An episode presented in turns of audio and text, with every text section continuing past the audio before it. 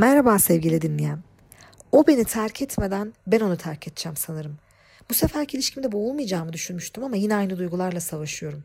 Neden ilişkiler bu kadar boğucu olmak zorunda? Kimse kimseyi niye serbest bırakmıyor? Biriyle birlikteyken olduğumda da yalnızken olduğum gibi acı çekeceksem ne anladım ki ben bu işten? Bir türlü dikiş tutturamadığı ilişkilerinden şikayetçi şahsın serzenişi boğulmaktan yana.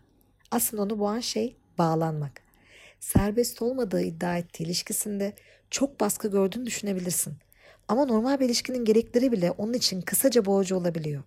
Belki seni anlatıyorum gibi geliyor. O zaman dinle. Hadi konuşalım. Uzun sürelerle yalnız kalıyorsun. Yalnızlık dayanılmaz olduğunda tekrar birilerine yakınlaşıyor. Yalnızlık, yakınlık korkun nüksedince ilişkini terk ederek bitmek bilmeyen bir döngüyü tamamlıyorsun. Senin hayat döngün seni gören ve aynı şekilde görülmek isteyenlerden kaçmak üzerine kurulu. Çünkü ilişki seni boğan bir kapan. Bağlanma korkusu, yakınlık korkusu, evlilik korkusu, adınla ne dersen de aynını yaşıyorsan hepsinin temelinde yakınlık kurmak ve birine yaklaşmakla ilgili ciddi endişelerin var. Brand Engler'e göre en büyük iltifat birinin sizi görmesidir. Ama bağlanma korkun varsa bu durum tam tersi görülmek senin için çırılçıplak kalmak ve savunmasız kalmışçasına dehşete kapılacağın bir durum anlamına geliyor. Korkun şu, seni görüp anlayan kişi zayıflıklarını bilecek ve en zayıf anında çekip gidecek. O zayıf yerinden vuracak seni.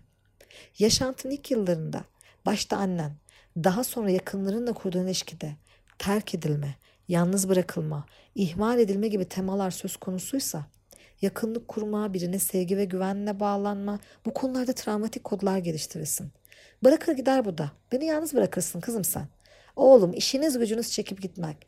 Hayatta ilgilenmezsin sen benimle gibi cümlelerin olur. Bu kodlar ilerleyen zamanlarda ilişkiler konusunda sürekli karşına çıkar. Ve partnerin sana yaklaştığı anda boğulma hissi duymaya başlar. Bir de ona saldırır, onu suçlarsın. Nasıl uzaklaştıracağını bilemezsin ki. Çoğunlukla bu durum sadece karşı cinsle kurduğun ilişkiyle de sınırlı kalmaz. Zamanla o kadar ilerler ki duygusal ilişki dışındaki tüm ilişki türlerine yayılır. İş yerinde ya da özel hayatında kurup kurabileceği tüm arkadaşlıklara aynı durum sirayet eder. Bu durum gerçekleştiğinde tekrar terk edilme, ihmal edilme ya da yalnız bırakılma endişesiyle durumu kontrol altına almaya çalışırsın. Nasıl mı? Sen beni kovmadan ben istifa edeyim dersin. Dur uzak durayım da mesafeyi ben koyayım. Dur o terk etmeden ben terk edeyim. Dur o canımı yakmadan ben basayım damarına da yapacak bir şey kalmasın gibi yöntemlerin olur. Sürekli tekrarlayan bu durum acı verici biliyorsun. Ama onu içten içe kabul etmiyorsun değil mi?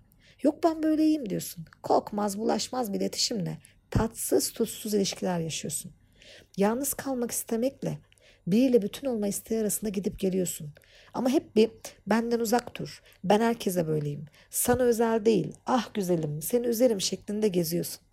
Devamlı tetikte olduğundan partnerin ya da arkadaşın seni aslında köşeye sıkıştırmamış dahi olsa güvende olmadığını düşündüğünden o ilişkide nefes alamıyorsun. Oysa yer geniş. İlişki normal.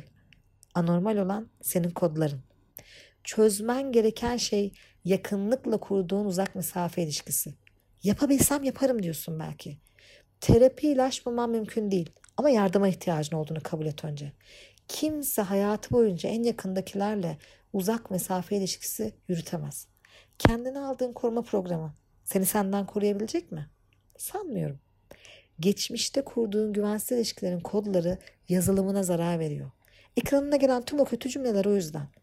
Terapide o kodları çözümleyip yerine doğru kodlar koydukça hayatında kişilerle arana koyduğun mesafeyi yavaş yavaş alıştır alıştır aşabilirsin. İçinde bulunduğun durum tercihinden kaynaklanmıyor. İçinde taşıdığın bir korku var. Büyükçe bir kaygının da içinde olduğu bağlanma korkusundan mustaripsin. Artık bunu biliyor ya da anlamıyor olman mümkün değil. Yakınlık senin için bir korku ama gece olunca ağacı tıpkı canavar sanman gibi bir korku. O yüzden yardıma ihtiyacın var. Terapi de gerçekçi bir bakış açısı geliştirir. Doğru yere bakar. Seni ihmal eden ya da terk eden senaryodan farklı kişileri seçmeyi öğrenirsen zamanla uygun şartlar oluştuğunda insanlarla korkmadan yakınlık kurabilir hale gelirsin. Nasıl mı? Risk yönetmeyi bilerek. Yakınlık sadece bağlanma korkusu olan sen için mi sorun sanıyorsun? Bu sadece senin için bir risk değil ki. Yakınlık herkes için riskli. Çünkü kendini açmak, birinin sana zarar verecek kadar yakınlaşmasına müsaade etmek herkes için korkutucu ve riskli. İster duygusal ilişkide ol, ister arkadaşlık ilişkisinde, gerçek bir sevme ve sevilme ilişkisinde bir sürü bilinmeyen vardır. Matematikteki gibi denklemi denklemen için eşitleyen diğer tarafına da atamazsın mesela ya da ortak paranteze alamadığın zamanlar olur. Sen ortada iki bilinmeyen var sanırsın ama denkleme ne bilinmeyenler girer sonrasında bazen ruhun bile duymaz. Bir de üzerine çocukluğun ya da yetişkinliğinden getirdiğin kendince oldukça kuvvetli nedenlerin var. Evet, bunların hepsi korkutucu ama kapının arkasında saklanarak geçiremezsin hayatını. Gerçek bir sevme ilişkisi doğru insanı seçmeyi başardığında risk almayı ve belirsizliğe katlanmayı gerektirir. Hepimiz için. Karşında bir doğru varsa katlanmak değil, izlemeyi bırakır kendini süreç.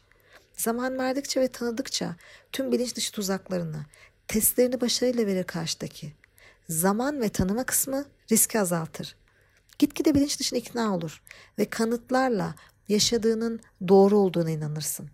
Sonuçta seni boğan durum herkes gibi normal, nefes aldığın bir hale evrilir. Riski azalttığın an korkun yerini yabancı olduğun bir duyguya bırakır. Güven.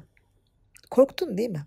Ama unutma, yol uzun, süreç çetrefilli olsa da terapi her daim yanında bir destek olarak duracak. Sırf incinmeyeyim diye kendini yalnızlıkla cezalandırdığın gibi kendini korumak için başkalarını yarı yolda bırakıyorsun. Yarım kalmanın acısını en iyi sen bilirsin değil mi? Fark etmediğim bir şeyi söyleyeyim. Aslında en çok kendini yarı yolda bırakıyorsun. Elbette bir ilişkiye başlamak kolay değil. Zaten kolay olan ilişkiye başlamak değil, o ilişkiyi sürdürebilmek. Ama cesaret neydi? Korkmamak değil, korkuna rağmen devam edebilmek. Düşün, anla, öğren, risk almayı ve risk yönetmeyi öğren. Öğren ki yarım kalmasın yollar. Korkuna rağmen sevgi ve huzurla kucaklansan buna değmez mi? Bence değer. Denemeye kesinlikle değer. O zaman bir sonraki podcast'e kadar sevgiyle kal, güvende kal, bizi takipte kal. Hoşça kal sevgili dinleyen.